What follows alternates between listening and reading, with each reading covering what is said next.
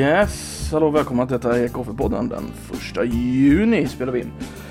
Det är din favoritspot i cyberspace och jag sitter här med den ständigt uh, nyttomaximerande Nedem. Hej Nedem. Din ständiga sekreterare. Nej, fy fan, du kan ju inte skriva ens. Hej. Vill du vara min sekreterare så kan du få vara min sekreterare. Nej, jag vill vara den ständiga sekreteraren, inte din sekreterare.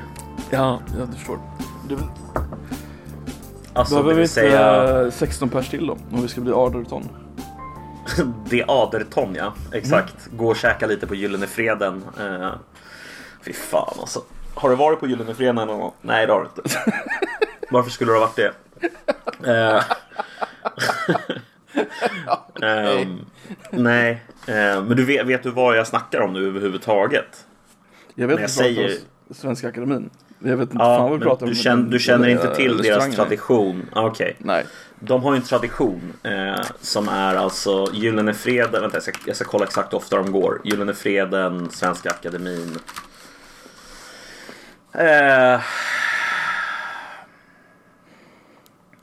precis. Varje torsdag så går Svenska Akademin till Gyllene Freden och äter eh, ärtsoppa. Nice. Eh, de har ett eget rum eh, högst upp i byggnaden. Som är så att säga liksom, ja, vad ska man säga? Det är helt enkelt eh, typ Det ett rum gjort bara för dem. Och jag tror att de har ätit, eh, ätit där väldigt, väldigt, väldigt länge. Kan kolla när de började med det där egentligen. Gyllene Freden. Svenska Akademin, tradition. Ja, det är en kul tradition ja. Mm. Där ska du gå och käka ifall du får möjligheten att käka, eh, eller om du är i Stockholm. Eh, Om jag får möjligheten att äta. Ja, om du får möjligheten att äta. De äger till och med restaurangen.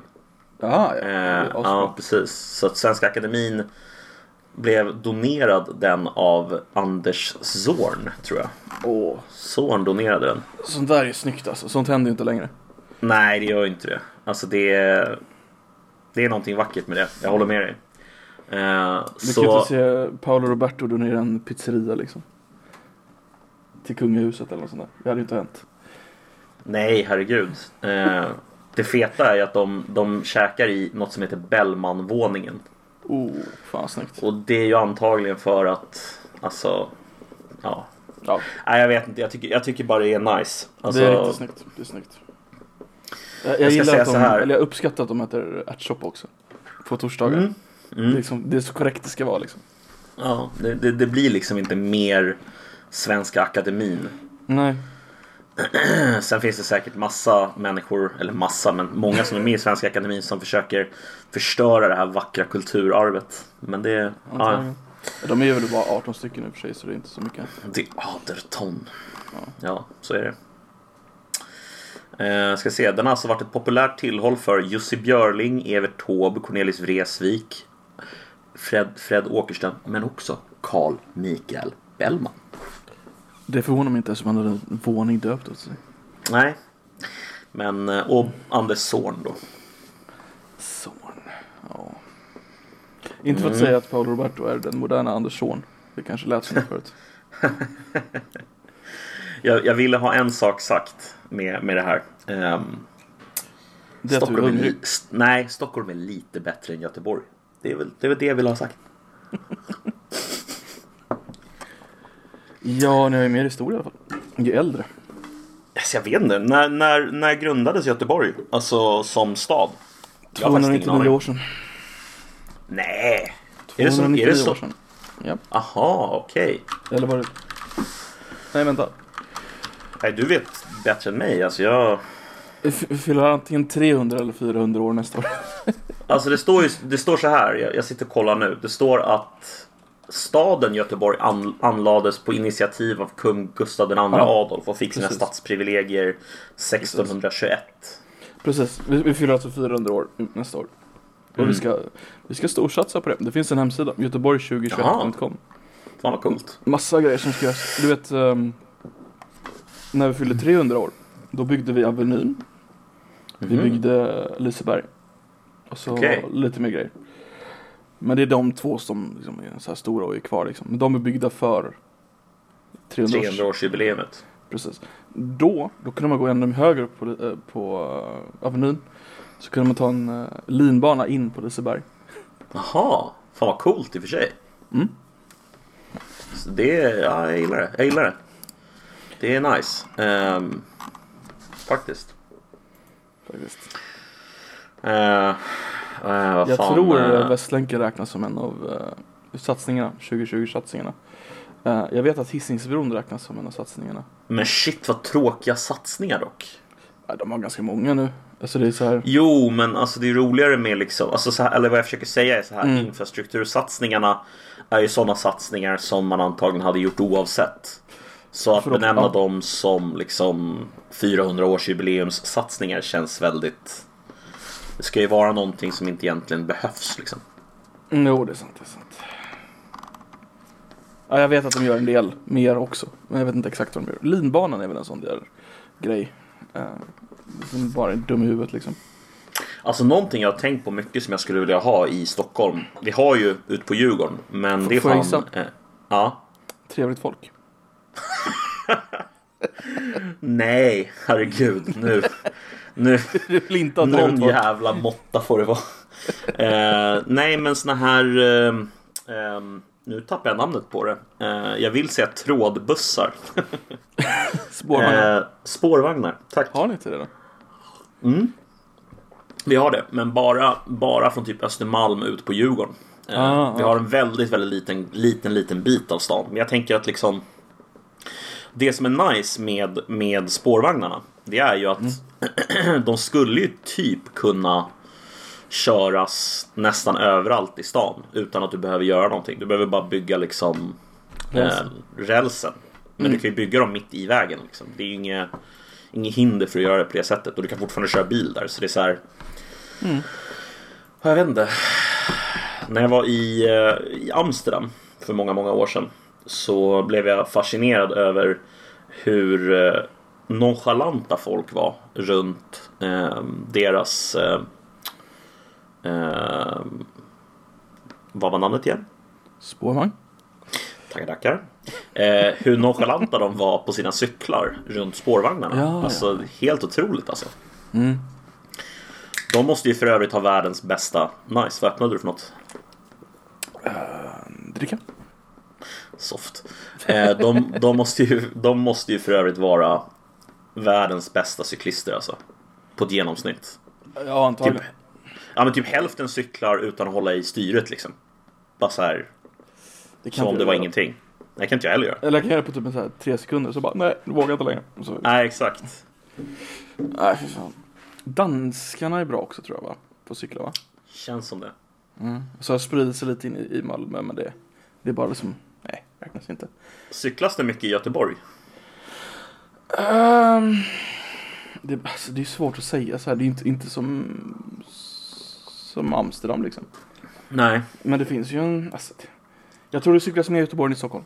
Det tror jag. Mm. Det finns ju cykelvägar lite överallt, det ser man ju. Mm. Men det gör det i sig i liksom. Stockholm också alltså. Dedikerat. Ja. Ehm, Alltså även inne i centrum liksom. Ja, ja, herregud. Överallt Mm. inne i Ja. centrum. Vi hade ju till och med Ja. ehm, Vi hade ju till och med ett, ett lokalt parti eh, som Nej. hette Stockholmspartiet. Ehm, jo, Åh, som eh, i kommun som införde cykel, eh, cykelvägar på vägarna. Alltså så här. Fan Ja. hette hon? Och jag måste fråga dig. eh, har ni ett system där man kan hyra eh, cyklar in i stan av kommunen och bara ställa dem på vissa platser? Ja. Men vi har inte bara mycket från kommunen. Vi har alltså hur mycket som helst olika sådana.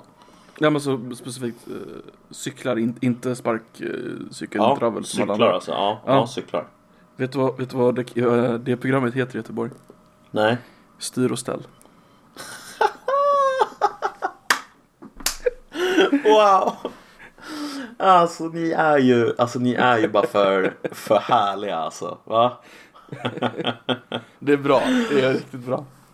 Ja, jo, jag förstår att du tycker det. Eh, jag, jag, alltså, du vet vilken bild jag får i huvudet nu? Jag får den här, har du sett den här Freudian Productions från Göteborg?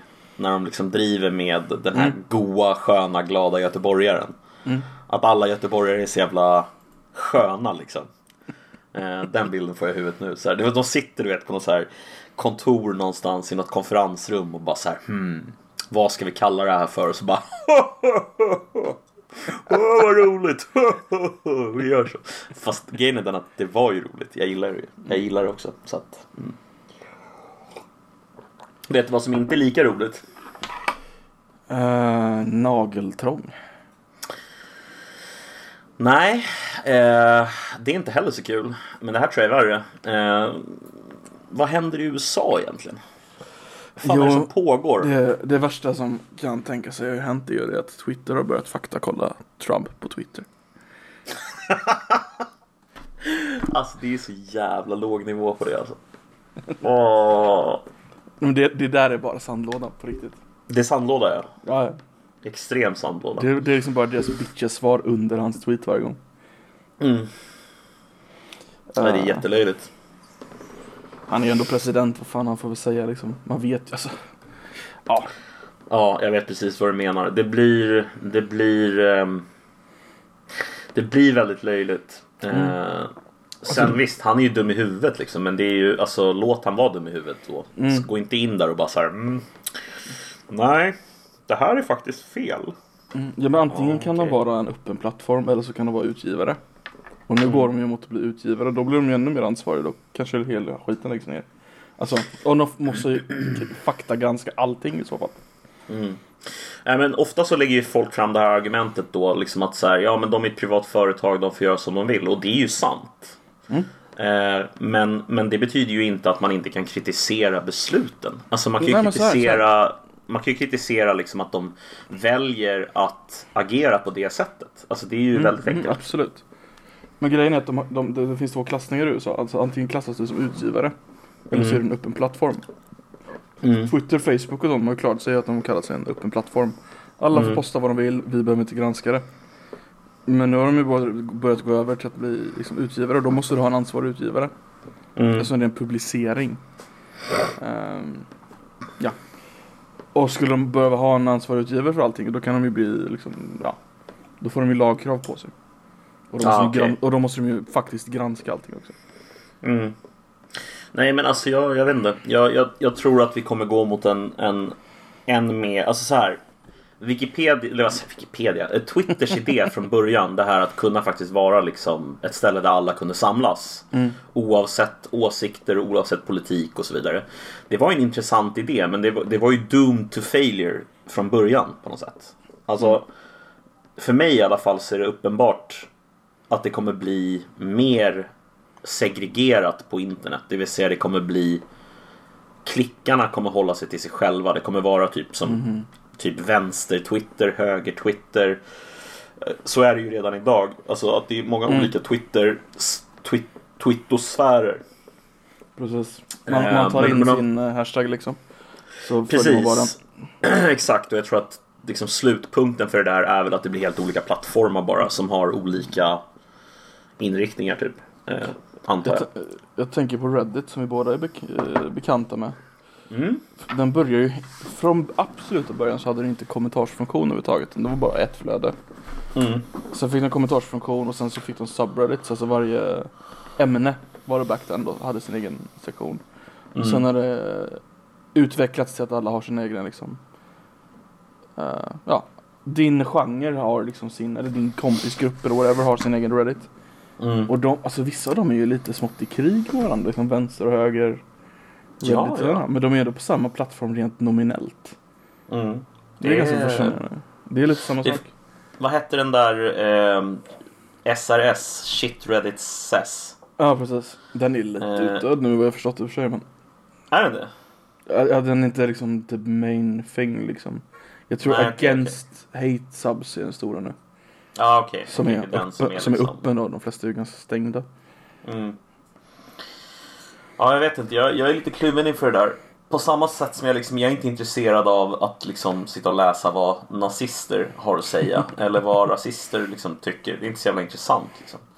Men, men alltså jag kan också bara undvika det. Alltså förstår du vad jag Mm. menar? Alltså, så det är lite Alltså- så här. Hmm. Jag tycker inte det är en helt lätt fråga. Men samtidigt som vi får allt mer information på nätet så blir det ganska tråkigt. Alltså tidningen har ju den funktionen att de försöker ge en bred bild av liksom allt som händer. Och i en någorlunda nyanserad bild kanske tar in två olika perspektiv och sådär. Men när Ja. det blir mer polariserad värld som vi håller på att bli och du får ett polariserat nyhetsflöde då kommer ju inte dela verklighet. Alltså Nej. du delar ju inte verkligheten med de som du debatterar emot. Nej, Så, så ni, ni kommer ju aldrig kunna enas om någonting. Ni kan ju inte ens enas om priset för en öl liksom. Eller en mjölk eller fast, whatever. fast, fast, fast jag, jag vill ändå säga att jag tror ändå någonstans att så har det alltid varit. Det är bara en fråga om grader, alltså i helvetet där. Ehm, för att om du och jag, alltså som vi pratade om för någon podd sen, där vi pratade om frihet. Så kan man ha olika definitioner till exempel av frihetsbegreppet. Man kan vara för positiv frihet eller man kan vara för negativ frihet. Man kan vara för båda. Man kan tycka att de har olika användningsområden och så vidare. Och så vidare. Men om man inte definierar begreppen innan man börjar diskutera med någon så blir det ju nästan omöjligt att komma någonstans. För att man säger samma ord men menar olika saker. Eh, och det är ju det är väldigt problematiskt när folk inte vill erkänna att det är på det sättet. Liksom. Jo Ehm. Så är det ju. Men jag tror att det kan vara värre nu än, än för, på länge. Det tror jag också. Jag tror att det har nog aldrig varit värre eh, än det är nu. Faktiskt. Så jag tror menar, alltså. Kollar man på det som pågår i USA nu så är det ju... Alltså Kan du bara ju... förklara vad som händer? Ja men alltså det var en kille som... Eh, jag kan... George Floyd tror jag han heter men jag är osäker. Ja. Ehm, han blev eh, eh, stoppad av en polis för att han hade falska pengar eller någonting sånt där. Och eh, då brottades han ner och sen så satte den här eh, polisen sitt knä på hans nacke. Och eh, han verkar ha avlidit av sina, liksom, ska man säga, inte... Nu, det, har, det har ju bara, hittills har det bara kommit ut en enda Ordet på engelska är autopsy. Ehm, Mm. Vad är ordet på svenska? Uh, autopsi? Ja, spelar roll, alla vet vad jag menar. Eh, det har bara kommit ut en eh, sån. Eh, och där verkar det som att han dog Obduktion? F obduktion. Det verkar som att han dog efter eh, själva liksom händelsen. Men de kräver en ny obduktion från en fristående läkare som ska avgöra dödstillfället och sådär. Så att det, det, det återstår väl att se vad som, vad som sägs där. Men, men alldeles oavsett. Den här händelsen eh, gav upphov till eh, protester i eh, Minnesota. Nej, Minneapolis. Eller hur? Ja, min, men Minnesota, uh, Minneapolis är huvudstaden i Minnesota. Ja, exakt. I Minneapolis. Och det här var då eh, startskottet för vad som nu är protester över hela eh, USA. Och även i vissa eh, europeiska eh, huvudstäder. Jag vet att London hade protester och Danmarks Köpenhamn hade protester. Det är Ja. mycket, mycket intressant. Kan, Ehm, får jag bara slänga in en grej om eh, Mm. obduktionen där? Mm. Eh, du vet när vi pratade om Jeffrey Epstein så sa jag att det var samma obducent då som i John F Kennedy-mordet. mm. Det är samma obducent igen. Nej, nej. Do Dr. Michael Nej. Baden. Googla upp det om du vill. Driver med mig. Det driver inte med dig. Det är som att USA bara har en enda obducent. Dr. Michael Baden. Och det är han som då...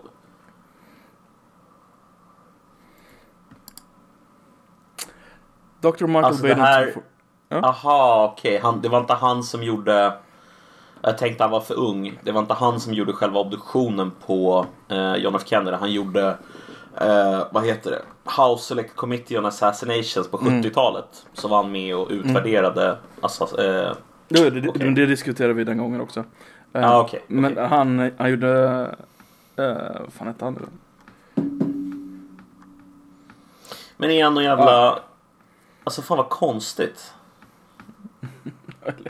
Men, eller, eller vänta, vänta, vänta, vänta. Missförstod jag det nu? Menar du att han är den som ska göra obduktionen som kommer nu? Eller att det var han som gjorde? Han ska göra den uh, oberoende obduktionen på... Ja, precis. Okej. och han gjorde han- även obduktionen på Epstein.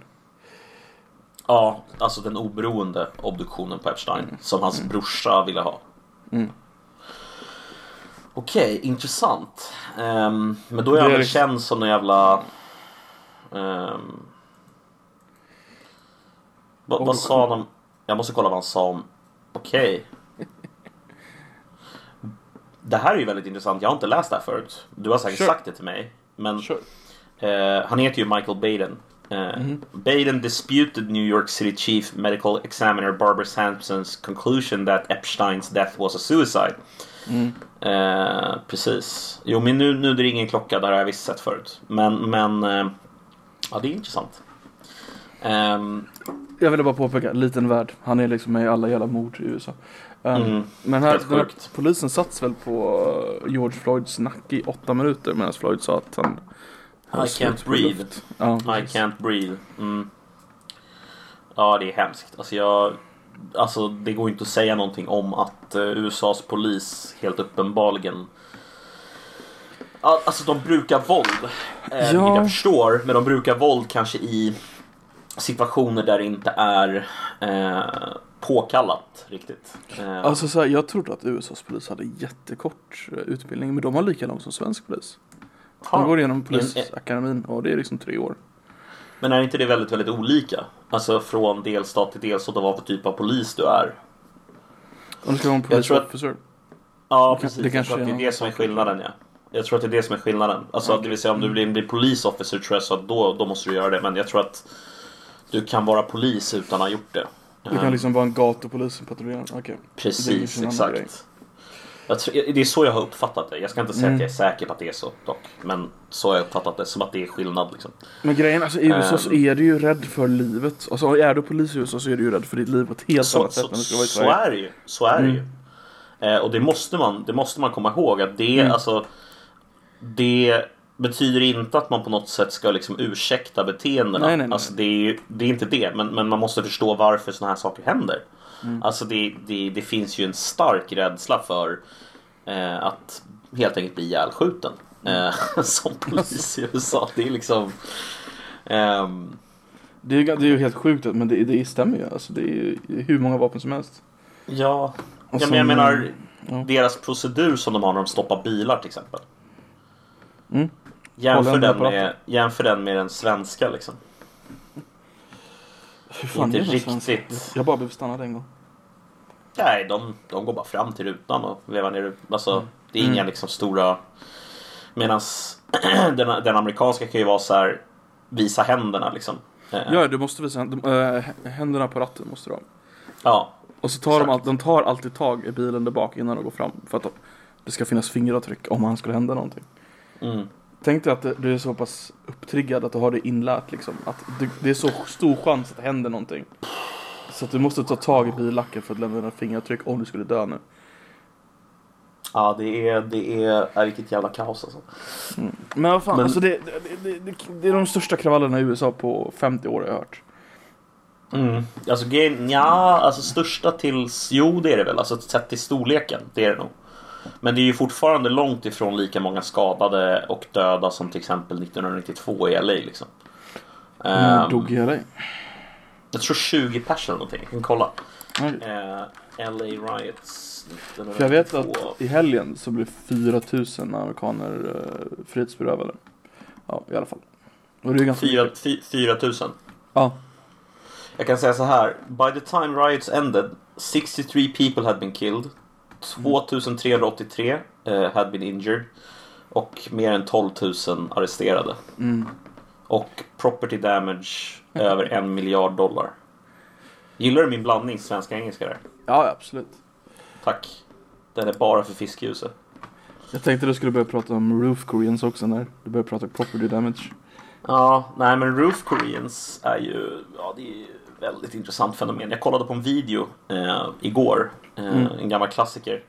Från den här eh, koreanska mannen, han blir intervjuad. Han som springer runt och skjuter, du vet precis vilken video, eller hur? När de bara, Ja, mm. alltså vilket jävla... Alltså, ah, det är så långt ifrån svensk verklighet på något sätt så att det är så här. Roof Koreans var alltså en massa koreaner som hade eh, företag i närheten av LA Riots. Så Mm. då gick de upp på taket på sina företag och bara vaktade dem liksom med livet och vapen. Eh, men vad fan, vad- alltså. Det är Ja, vad, tror, vad, liksom vad, vad massor tror du det här kommer ta slut någonstans? Vad kommer hända liksom? Inte ett piss. Varför skulle någonting hända? Ehm. George Floyd protests. Varför skulle, varför skulle det ändra någonting? Alltså de har inget De har inget uttalat mål. De bara, ja men svarta Black Lives Matter. Ja visst. Mm. Vem skriver Mm. inte på det? Mm. Alltså det, alltså, det, det finns ingen lag. Alltså, of- alltså, det finns en rasism i USA. Men den är inte liksom lagstadgad. Det är ju inte så att de kan få en lag overturned eller någonting sånt där. Så det, det har redan dött 11 personer i den här. Damn. Det är ganska mycket. Uh, inklusive George eller? Ja, kanske. Ska Ja se men här. seriöst, seriöst. Vad tror du själv skulle hända? Alltså vad... Alltså... De, får, alltså, de kan ju inte få en lag. De kan inte få... Vad är, de, vad är det som skulle kunna hända liksom? Nej, alltså jag vet inte. Ehm, min tanke är väl någonstans att eh, det här bara kommer dö ut. Mm. Det brukar ju vara så med såna här. De, det kanske håller på längre än en vanlig sån här eh, protest. Men jag tror ju att det liksom successivt så kommer det börja ge med sig och sen så ja, lugnar det ner sig. Det, det, det är vad jag skulle gissa på kommer hända. Men, Alltså- men, men jag skulle ju också kunna tänka mig en situation där det eskalerar ehm, ännu mer. Ehm, och då, då vet jag inte var det hamnar någonstans faktiskt. Kan bli Alltså de har ju jävligt... fått en del eh, politiker med sig. AOC givetvis, men även typ New Yorks borgmästare och sånt där. New Yorks borgmästares Ko- ko- dotter är Como, ju... eller? Nej, borgmästaren. Uh, vad heter han? Bloomberg. Nej. Mayor New York. Eh, Bill de Blasio. Han, han är Ja, med. det. Como är också med också. Men alltså. De Blasios borg, dotter är ju en av de som är frihetsberövade för övrigt. Uh, som har ju fått en del high level med sig. Och det är ju många som säger. Ja men. Det var ju kravaller när. Uh, vad fan hette han? Martin Luther King dog. Och då fick de civil rights amendments till slut. Efter de Mm. kravallerna. Mm. Ja, det fick de. Men vilken, vad är det de ska få? Vad är, vad är det de ska få nu? En egen stat eller? Ska vi ha en Nej, stat jag- jag- i USA som är helt svart liksom bara för att alla inte ska ha någon Alltså, systematisk rasism? Alltså jag, jag, det finns inget mål jag kan se som de går emot. Alltså det, Ja, det målet är väl, ja, det- målet alltså, är väl vänta, vänta, vänta. minskat polisvåld. Man minskat polisvåld men det är ju individer. Alltså du, kan- du kan inte lagstadga emot det, det är det som är grejen. Alltså det, det har, har du massa rasister i landet så har du massa rasister i landet. Mm. kan kasta ut dem men då får du göra en jävla test på dem liksom så här rasbiologiskt test är du rasist. Alltså, Mm. eller så här, jag vet inte rasbiologiskt test, vad fan heter det? Du vet när man har en uh, lögndetektor eller sånt där. Alltså det finns ju inget Nej, jag vet inte riktigt heller hur, göra liksom. hur riktigt det ska gå, gå till eh, att lösa problemet. Det, kan- man, kanske kan, man kanske kan komma med någonting som minskar problemets omfattning. Jag vet inte. Men, men, men jag har inte hört något bra förslag på vad det skulle vara ännu. Ehm, jag sitter och tittar här nu för övrigt. Ehm, Mm. Det här är sektionen om hur många som har dött. Då är det alltså Kalifornien sa en dött. Det var en polis. Av, en, av en sh- shooting. Sen har du eh, två stycken protester. Eller protesterare eller eh, demonstranter snarare. I Indiana som blev skjutna. En eh, demonstrant i Illinois, Chicago. Och sen så har du en demonstrant i Kentucky. Och en, en demonstrant och en polis i Iowa. Så två poliser. Mm. Ja, jag vet inte riktigt vad som... Det känns som att det här har potential för att eh, spåra ordentligt i alla fall. Jo, Eh, alltså man förstår ju att de är förbannade. Det är, ju- herregud. Herregud, vara. det är klart. Men, ja. Ja, men, Vart- det, vart men leder ofta, det? of, ofta med såna här grejer så är det så här. Utifrån så förstår man inte riktigt vad, vad är målet liksom. Eh, Mm. Vart vill ni komma någonstans? Men jag tror att det handlar mycket mer om att folk bara vill visa att de är eh, jävligt upprörda liksom.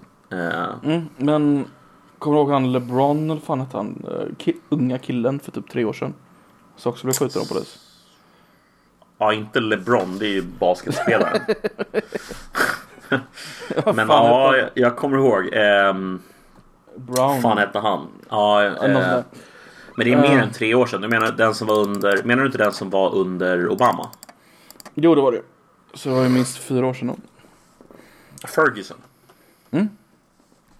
Just det. Mm. Men då var det också jävligt många kravaller, det är sex år sedan nu. Men det ledde ju inte heller till någonting. Nej. Alltså det enda det kan leda till det är den här eh, polisen får typ dödsstraff liksom.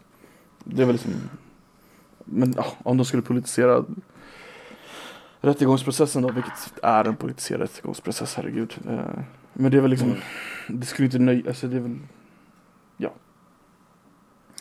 Nej, jag vet inte heller. Det, det, det, alltså, det känns som att eh, det här är precis i inledningsfasen och Mm. att liksom sia om vart det här kommer ta vägen, det är omöjligt. Men vad, man, Mm. kan, vad man kan säga är att hittills så är det en av de liksom brutalare, tuffare, eh, eh, våldsammaste eh, händelserna i USA Absolut. på väldigt, väldigt länge. Både från polis och demonstranter. Det här, det här kommer ju liksom inte sluta imorgon. Nej, Utan det här kommer ju pågå ett tag. Eh, Donald Trump har ju eh, berättat för den här eh, Melvin Carter som är eh, eh, borgmästare i eh, något ställe att han är villig att liksom ge militär support så att det kan ju eskalera ännu mer eh, härifrån. Mm.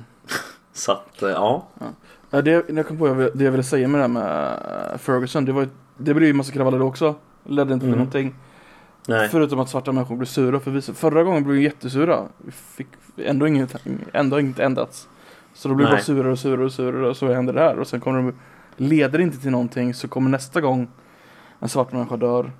Då kommer det också leda till ännu större kravaller. Så kommer det bli större och större kravaller. De måste ju liksom de måste hitta något sätt att organisera sig för att få en strukturell förändring på det där landet. Om de Mm. inte Mm. bara vill ha kravaller var tredje år. Ja, jag vet inte. Det hjälper ju, det hjälper ju uppenbarligen inte hittills i alla fall. Eh, Mm. Så att vi får Precis. väl se hur de approachar det här. Ja, alltså jag vet inte. Det känns som att hur mycket jag än inte tycker om typ folk som AOC eh, så är det ju, det vill säga Alexandria Ocasio Ocasio-Cortez Mm. så är det ju uppenbart att hon har rätt idé i termer av att liksom det handlar ju om att eh, organisera sig helt enkelt och försöka driva igenom någon typ av förändring politiskt. Eh, Eller samhället eller socialt eller någonting som Alltså Alltså det inte finns en, poli- en eh, uttalad policy mot svarta i USA längre Nej, vet. precis. Det måste ju vara någon slags... Eh, ja, jag vet inte hur, hur riktigt det skulle gå till. Det är typ som att det är utfallet som är problemet. Det är ju inte liksom själva liksom eh, lagen som det är fel på. Utan det är Nej. utfallet som är problemet. The hearts and minds Ja, jag vet inte. Kanske bara svarta poliser i svarta eh, områden. Du skojar men eh, tidigt 1900-tal i USA så Mm. Irländarna hatade som fan i USA Mm. back then. Då gjorde alla irländare back then var ju katoliker också förut. Eh, Mm. Så eh, då, på den tiden så möttes man ju i kyrkan varje vecka. Eh, Så prästen gick bara ut och sa ja, det bästa en Irish American man kan vara det är att bli polis för då kommer vi egentligen bli omtyckta i det här landet. Så Mm. då, det är därför vi har den här kost, eh, idén om den patrullerande irländska polisen i många tidiga amerikanska filmer och sånt där. För det var så Ja, vanligt, det. var så många som gjorde det medvetet för att förbättra irländarnas rykte i eh, USA. Och de är ju helt integrerade, de är inte en separat del av USA längre liksom. Nej, men det är ju å andra sidan ett väldigt annorlunda, alltså så här. Alltså, det finns ju ett annat systematiskt Ja. eh, problem för eh, afroamerikanerna. Eh, och Absolut, jag undrar absolut. liksom, fan. Vad kan de göra? Jag såg, jag såg en intressant klipp igår. Eh, känner du till Ja. James Baldwin? Ba- James Baldwin. Ja, inte Baldwin-bröderna. Men sa du James Baldwin? Ja, författaren. Jaha, eh, nej. Eller oh, oh vänta. Uh, så här, eh, svart kille, uh, unapologetic höger kille va? Nej, nej, nej. Inte han då. Nej, då vet jag fan vem det är. Eh, James Baldwin, han eh, är en eh, väldigt, väldigt känd författare. Han, han drog från USA 1948 tror jag. 1952 eller sånt där. Eh, och skrev böcker om liksom upplevelsen av att vara svart svart i USA under så att säga den tiden när de fortfarande hade de här lagarna som mm. separerade svarta och vita i södern och även i norr fast kanske inte uttalat. Ehm, och eh, han hade en intressant, eh, ett, det var ett intressant klipp. Han pratade om typ så här. Alltså synen på svarta. Ehm, och den synen, hur den påverkar svarta själva. Det här är alltså på 60-talet som han pratar om det här. Ehm, I någon så här intervju med någon amerikansk journalist. Ehm, och de sitter och håller med varandra om att liksom det är något slags ehm, symbiotiskt förhållande som vita och svarta i USA har skaffat sig. Där den svartas roll som liksom har varit du vet den här rollen av längst ner i samhället efter eh, slaveriet upphörde och det här. Att det förhållandet mellan att den personen befinner sig längst ner i samhället och är längst ner som gör att alla andra också kunde veta vad de befann sig i relation till den svarta mannen i USA.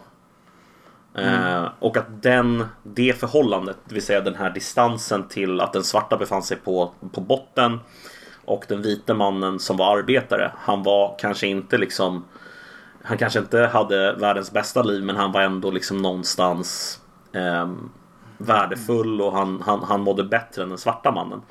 Där i det förhållandet så finns det någonting som han försöker sätta ord på. Som han lyckas inte riktigt men det, det kanske ligger någonting i det. Att det är något i förhållandet mellan vita och svarta i USA som går tillbaka eh, över 100 år. Mer, 200 år. Eh, Ja. Samtidigt, jag är inte sådär jätteförtjust i såna här strukturella eh, förklaringar. Så jag, jag vet inte, jag, jag, är- jag är kluven. Vad, vad tror du? Nej men det... På något sätt agerar man väl strukturellt. Alltså, eller som en grupp på det sättet. Det är inte jättekonstigt. Men det, det är... På något sätt, alltså Jo, jag har men funderat på det där ett tag. Ehm, kanske inte exakt vad du sa men. I, I början av USA så var det ju, då var det svarta som var slavar och vita Mm. som inte var slavar. Och det var ju Mm. allt som fanns liksom. Sen dess har de ju efter, så har de haft jätteproblem att integrera de svarta i samhället. Mm. Det är ju ingen, det är ingen eh, som förnekar detta. Men fram till, eh, vad ska jag säga, Civil Rights Amendment så typ alltså så här 60, 60-talet. När svarta blev liksom lagligt sett en del av USA. Mm. Och det är inte så jävla länge sedan egentligen. Då var det bara de kvar. Alltså det var ju bara svarta och vita i USA. Eller hur? Alltså, det- Ja, det- visst. Men sen så kom den här, alltså det, det, är Det, liksom fanns som ju att- andra också men alltså. Nu, de nu hörde inte jag riktigt vad du sa där. Nej, Jag sa det, finns, det fanns ju asiater och så vidare och Ja, så vidare också. Men, Men det var, det var inte så många. Men den stora invandringen i USA började ju efter det. Det är nästan som att det varit liksom som en försök att skaffa en buffert till, till de svarta på något sätt. Att ja men det är så många som är eh, de, har ju, vad fan kallar man det? Att, lä, de har ju någon slags lägre status alla invandrare i USA. mm, än, än vita fortfarande.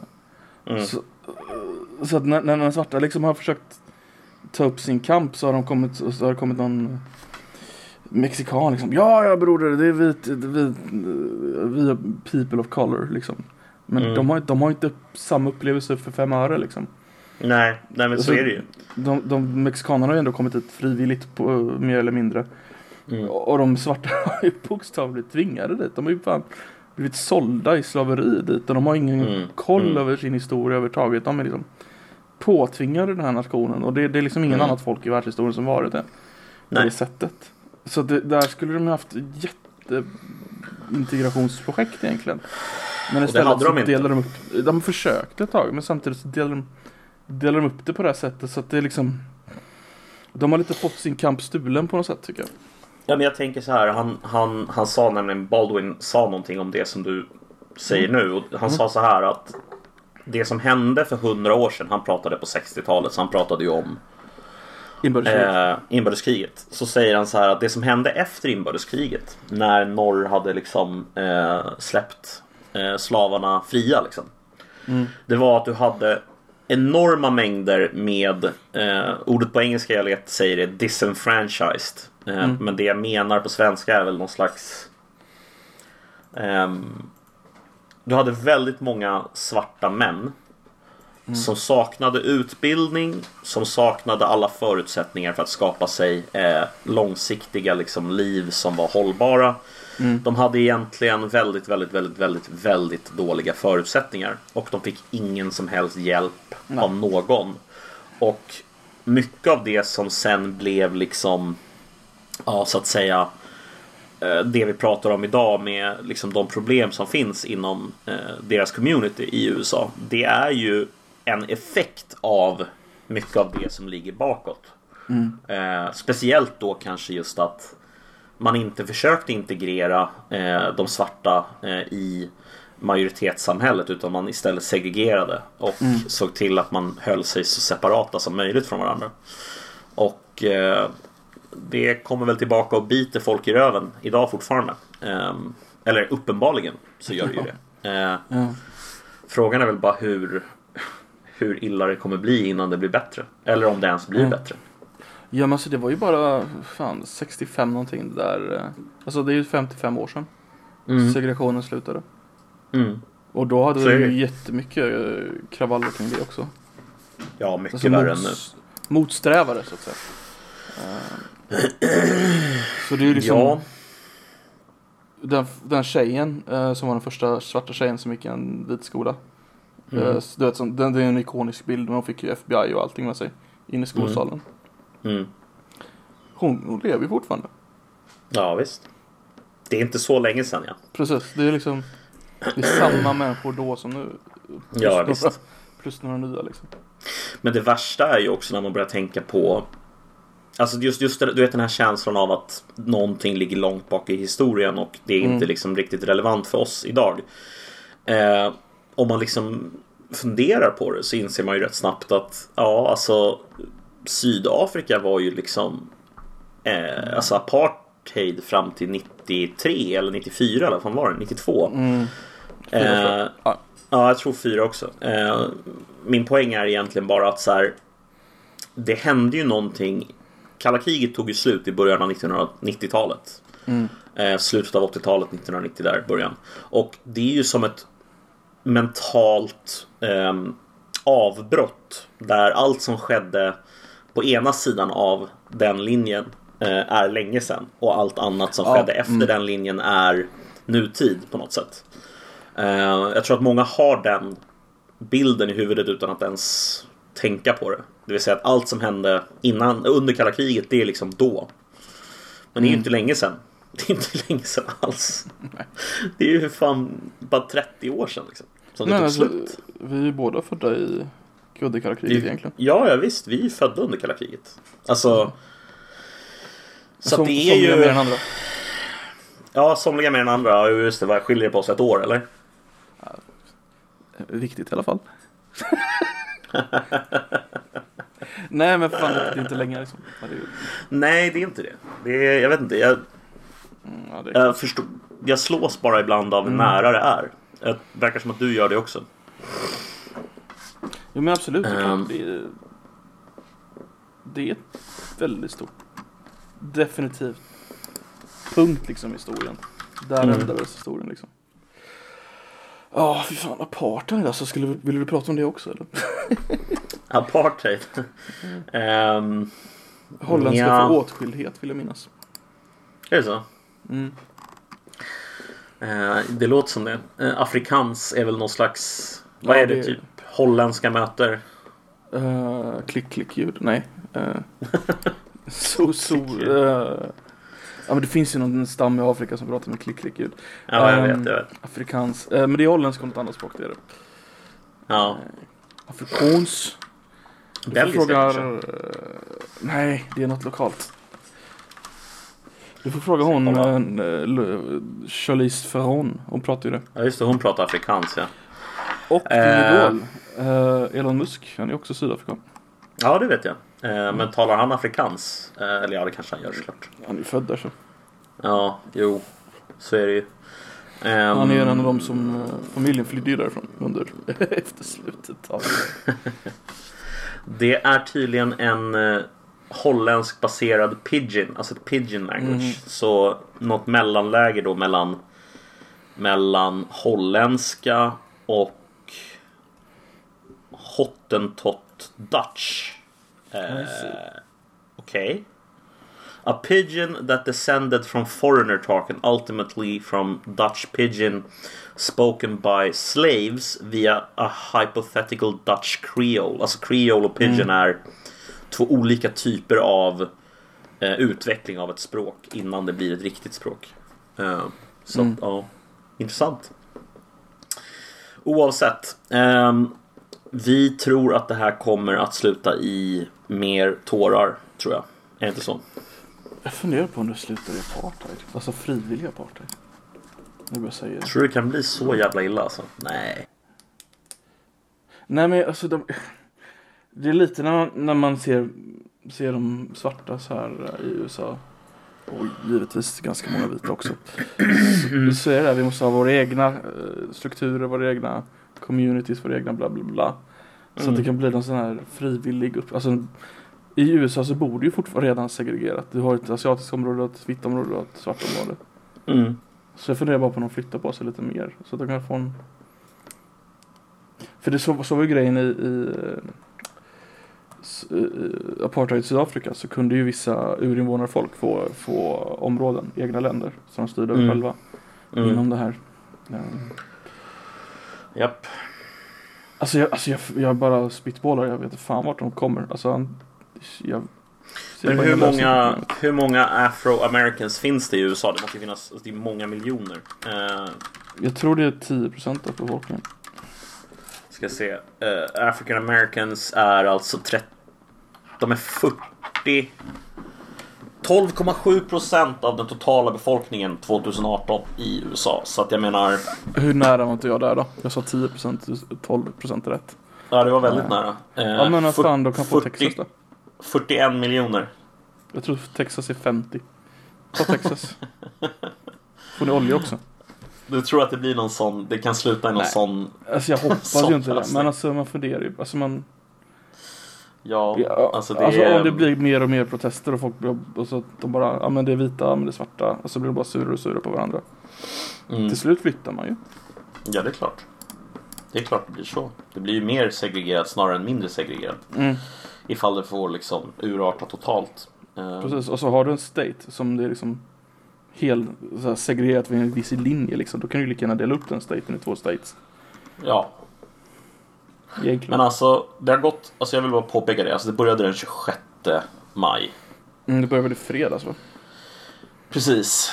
Eh, det är alltså 4400 arresterade, 11 döda. Eh, Ja det är sjukt alltså. 1992 pågick alltså från 29 april till 4 maj. Alltså LA Riots. Hur länge så att de höll på? Från 29 maj till 4 maj. Så vadå, vad är det? 29 till 4. Sju dagar? 29, det måste vara två olika månader eller? Ja, 29 april till 4 maj. Aha, aha. Ja men det är inte så länge. Nej, det är inte så länge. Alltså i jämförelse. På den tiden så hann det dö 63 stycken. Mm. 2383 skadade och 12 000 arresterade. På sex dagar, fem dagar. Mm. Och det här känns väl som att det liksom Hittills är det inte värre men Det har potentialen att bli mycket värre Ja. Du om Givet att det pågår överallt Det är så mycket kravaller utanför Vita huset. Ja Att Secret Service tvingar ner honom i källaren för han var inte säker ovanför, ovanför jorden. Oj Ja, Det är så jävla illa så är det. Så han sitter under jorden. Scheisse De har ju jättestort komplex under Vita huset. Eh, Ja ja alltså de kan få bort honom alltså, Han är inte någon riktig fara Det har han aldrig varit men alltså nej, eh, de, de trodde folk skulle kunna träffa honom genom fönstren då. Så att eh, han är under, Mm. under jorden. ja. Antagligen är väl Melania över jorden då. Möjligt. Det är lite kul, det är lite roligt det där med att de skulle kunna träffa dem genom fönstren. Det de egentligen menar är att de skulle kunna träffa fönstren. Alltså Ja. fönstren är ju... Jag såg en, ett ganska intressant YouTube-klipp om fönstren på eh, Vita huset. Mm. De är ju eh, långt bortom de fetaste fönster du kan köpa i normala kommersiella syften. Ja, ja. Alltså vi pratar om såna här, det finns ju så här olika klassningar. Den högsta klassningen det är ju den som sitter i eh, så här, eh, ja, militära fordon och sånt där. De sa att klassningen på det som sitter i Vita huset eh, är högre än den klassen. Alltså det är fetare grejer som sitter. Så att det är ju De hade ju definitivt kunnat skjuta liksom, men de hade inte kommit igenom med någonting annat än typ en luftvärnskanon liksom. Det är sån här eh, presidentlimousinen. Ja, Fönstret är ju en decimeter tjockt. mm, det är ju är helt... ju, ja, det är helt galet. Ja. Men har du sett, har du sett när, när den amerikanska presidenten kommer i sin konvoj? Alltså hur stor konvojen faktiskt är. Ja, ja, det har jag sett. Eh, Jag kommer ihåg när Obama var i Sverige. Det, Det är vi, helt otroligt. vi klassade det som ett högriskland för övrigt. Eh, Ja, det kan jag tänka mig. Men han, de har ju två sådana, bara för att de inte ska veta vem som är presidenten sitter där liksom. Ja, precis. Två stycken The Beast. Mm. Det är fantastiskt namn på hans bil. ja, fy fan. Men eh, åker Trump runt i exakt samma som eh, Obama? Jag tror faktiskt det. Jag tror det är en av de grejerna jag inte brydde sig om att... The Beast. Uh, ska vi se här. Limo. The Beast. Presidential State Car. Cadillac One. First Car. Stagecoach. ska se här om de ändrade den någonting. Eh, nej, det är samma verkar det som va? Mm. Ja. Helt otroligt egentligen. Ja, ja verkligen. Det finns ju, det finns ju klipp vet jag från USA, eh, från New York, när Obama landar med eh, helikopter eh, i New York. Då har de ju spärrat av eh, hela den bryggan och liksom alla hus runt omkring och det sitter så här eh, snipers sitter på taken. Och sen är det så intressant för att du vet, du vet helikoptern som presidenten har. Den här, ehm, ehm, ja vad det nu heter. Han flyger ju aldrig bara i en helikopter utan han flyger ju alltid med två eller tre helikoptrar. Som flyger i så här formation och sen så byter de plats hela tiden. Okej. Och det är ju såklart bara för att om man gör det på det sättet så är det svårt att veta vilken Ja. han sitter i liksom. Marine Eh, One heter den kompani. Uh, Marine One, just det. Tack. men är Ah, det shit, så att alltså. varje bransch av militären ger dem ett fartyg? Alltså typ att marinen ger dem eh, Så helikoptern. kanske det är. För det heter ju Marine One och så Air Force One heter ju den andra. Mm. Fast då borde ju bilen borde ju heta typ Military One eller sånt där. Mm. Eller bara, eller bara liksom Special Ops One. Det Jag är vet coolt. inte. Replacement Helicopter. Eh, VH71 Kestrel. Har det blivit... Jaha, I cancelled, okej. Det blev ingen sån. Eh, 13 miljarder eh, dollar höll de på att spendera på 28 helikoptrar. Miljarder. 13 miljarder dollar, ja. Vad är det som gör dem? Alltså de måste vara jättetjocka eller? Ehm, jag, eh, jag vågar inte svara på vad det är som gör att de kostar så mycket men, men alltså eh, Ja Det är intressant på något sätt, är det inte det? Det är det. Unit, unit-kosten var ungefär 400 miljoner dollar trodde de på. Vad har... eh, vad har Sverige för något då? Till våran statsminister. Ja?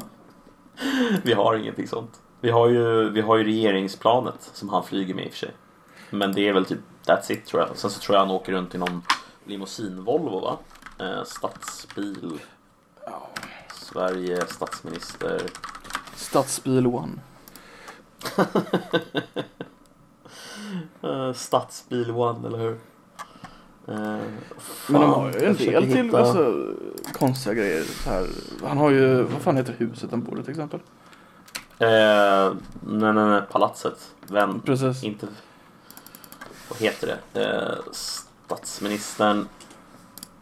Sveriges Sagerska statsminister. palatset va? Ja, Sagerska palatset, så heter det. Sen har Så heter det. Mm. Som blev donerat va? Är det inte så? Harpsen blev nog donerat ja. Jag tror det. Um, ska kolla. Harpsen är ju coolt alltså. Den eh, mest klassiska bilden på det, det är ju den här eh, Tage Erlander är på den där jävla sj- sjön i en eka med Nikita Khrushchev. Mm, det är så jävla kyligt alltså. Tydligen så är det någon gubbe som heter Hjalmar Vikander som eh, eh, när han avled så ärvdes den av hans son Karl August Vikander och han donerade den efter sin död till Ah, okej. Sveriges statsminister. Finns det någon koppling till Alicia Vikander? Ehm, bra fråga du. Tänk om det gör det. När får du frågorna vet du, det är grejer. Så ofta när, när man tittar på såna här eh, alltså kända personer, väldigt, väldigt ofta, Mm. så har de ju eh, redan kända släktingar. Har, Mm. du, har du märkt av det fenomenet? Ja, ja, det är ju lättare att alltså, komma in i de världen liksom. Eh, Ja men alltså så här, ta han eh, Chris D'Elia. Jag, jag, jag kommer ihåg bara att jag kollade på hans stand-up och tänkte så här, fan vad kul han var liksom. Roligt. Så kollade jag upp honom efteråt och så bara, just det, hans pappa är ju typ en av de rikaste eh, serie, tv-serieproducenterna genom tiderna typ. Bara så här, jaha, okej. Så det är många, det är många sådana eh, som i just Hollywood framförallt verkar det som att det är väldigt, väldigt, väldigt många som har eh, de är liksom andra generationen eller tredje generationen Mm, i Där är det eh, mycket sånt. väldigt vanligt. Så det är, eh, ja, Nej men det är ju så, det är ju en jävla inavelsfabrik det där alltså. det är ju det. Eh, Svårt att klättra upp. ja, väldigt svårt. Men det, man inser liksom att så här, det blir ju också lite lättare kanske att bli stand-up-komiker om man är finansiellt liksom oberoende från början. Du behöver inte bry dig liksom. Det är bara så här, ja men jag gör det jag tycker är kul. Precis. Eh, Det är Så som att, hon eh, Kylie Jenner. Världens yngsta miljardär. ja just det. Citattecken, self-made miljonär. Eh, Ja, Det är ju bara för att hon hade massa pengar. Och så hade en tv-program och allting. Och de kan ju bara, japp. hon tjänar ju pengar på utseende grejer. Så det blir hur Ja. lätt som helst liksom. Men såg du det att eh, Forbes hade gått ut och Ja. tagit tillbaka hennes miljardärstatus? Hon hade betalt för mycket skatt för att få vara med på Forbes-listan. Ja, ibland alltså. Världen är, världen är konstig alltså. Nej men det visar ju att pengarna inte är int- intressanta. Det är statusen hon vill ha. Hon vill bara ha statusen. Ja, ja, herregud. Herregud, så är det ju. Så är det ju faktiskt. Ehm, just den där att vara miljardär är ju... Mm. Ja, det är ju någon, det är ju någon nivåskillnad mellan någon som är miljardär och någon som är miljonär liksom. Ja, i alla fall i slutet där. Alltså, en Ja. miljon mot en miljard är ju en enorm jävla skillnad. det är en enorm jävla skillnad. Men även de som har 200 miljoner dollar och de som har eh, 2 miljarder dollar. Liksom, Ja. det, är, det är en eh, ganska ordentlig skillnad. Men alltså, en sak dock med det här. Alltså, det är ju väldigt få av de här personerna som är likvida. Alltså. Ja, när folk, när folk menar på att liksom eh, Jeff Bezos är god för 100 miljarder dollar. Alltså, ja, jo, det är han ju. Men det är ju inte... de som jag, jag vet, Ja, eller alltså så här. Det är han ju inte eftersom han skulle inte kunna plocka ut så mycket pengar utan att hela Amazon gick åt helvete. Så att Mm. Det är ju en sanning med modifikation. Jag förstår vad de är ute efter, men det är så här. Mm. Ah, ah, ah. Men eh, det, det är väl enda sättet man kan räkna egentligen. Alltså. Ja, det är det ju. Alltså självklart ska man räkna på det sättet. Jag säger inte att man inte ska räkna på det sättet, men det blir så väldigt lätt när man räknar på det sättet att totalt låtsas om att han också är god för de pengarna och kan använda sig av de pengarna. Eh, och att Mm. han liksom har en, eh, liksom, han har 100 miljarder dollar att spendera. På vad han vill. alltså- Och så är det ju inte. Han kan ju använda en stor del, alltså, han, alltså om, du- om du skulle komma i bråk med honom, blir hans arvsfiende liksom. Då är du körd. Ja. Det, det, han kan ju använda en stor del av pengarna till att jävlas med om han vill liksom. Ja, ja, herregud. Och jag menar, har du sett den här nya Epstein, Epstein-dokumentären som finns på Netflix? Nej, inte. Jag börjar kolla på den i alla fall och där tar de ju upp lite av hur han använde sig av sina pengar för att just precis göra det där och han var ju inte ens miljardär liksom så att alltså Självklart kan man göra det. det jag, jag vänder mig inte mot det. Det jag vänder mig mot är att när de här sakerna diskuteras så, så läggs det ofta fram som att bara för att han är värd så mycket pengar så Mm. har han även tillgång till så mycket pengar. Ja, ja, Eh, ja. och det har han ju inte liksom. Det är ju inte sant. That's not the truth. Du, innan vi Ja, avslutar. ja. Mm? Så jag har fått en gästfråga till dig. Okej. Om du kunde byta ut en svensk partiledare, vem och mot vilken? Alltså om jag kunde byta ut en svensk partiledare så skulle jag byta ut eh, eh, Du, du, måste även se, du måste även säga vem du ska ersätta den med. Eh, Jag skulle byta ut eh, Moderaternas partiledare.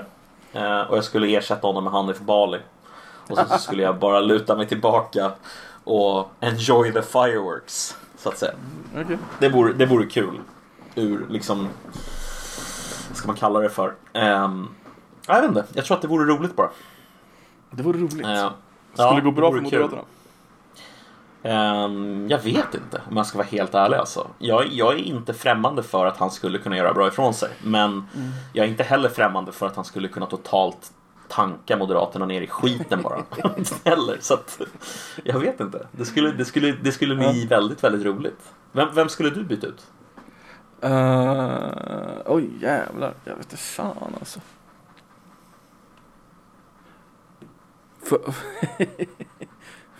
Så här på rent personligt plan så skulle jag byta Ja. ut uh, Eva Busch Thor mot uh, Göran. Bara för han var så rolig. Tillbaks med Göran. Ja. Ja, Göran alltså. Jävla mys-Göran alltså. Så jävla mysig. han, han ser jävligt bra ut för sin ålder också. Ja, det gör han definitivt. Vad, vad gör han nu för tiden? Vet du det? Uh, Göran Hägglund. Göran, uh, hör att två personer googlar. Eh, ingen Mhm. aning, han sitter väl och runkar. Ska se. Runklund. Göran Runklund. eh, Jag har faktiskt ingen aning vad han gör idag. nej, jag vet inte heller vad fan han gör. Jaha, här står det ju i och för sig. Eh, Göran Hägglund arbetar idag som PR-konsult för PR-företaget Narva och han är också styrelseledamot i Sparbanksstiftelsen Alfa. Han är styrelseordförande för Systembolaget. Är han? Från och med Jaha. 23 april i år. Okej. Did not know. Där ser man.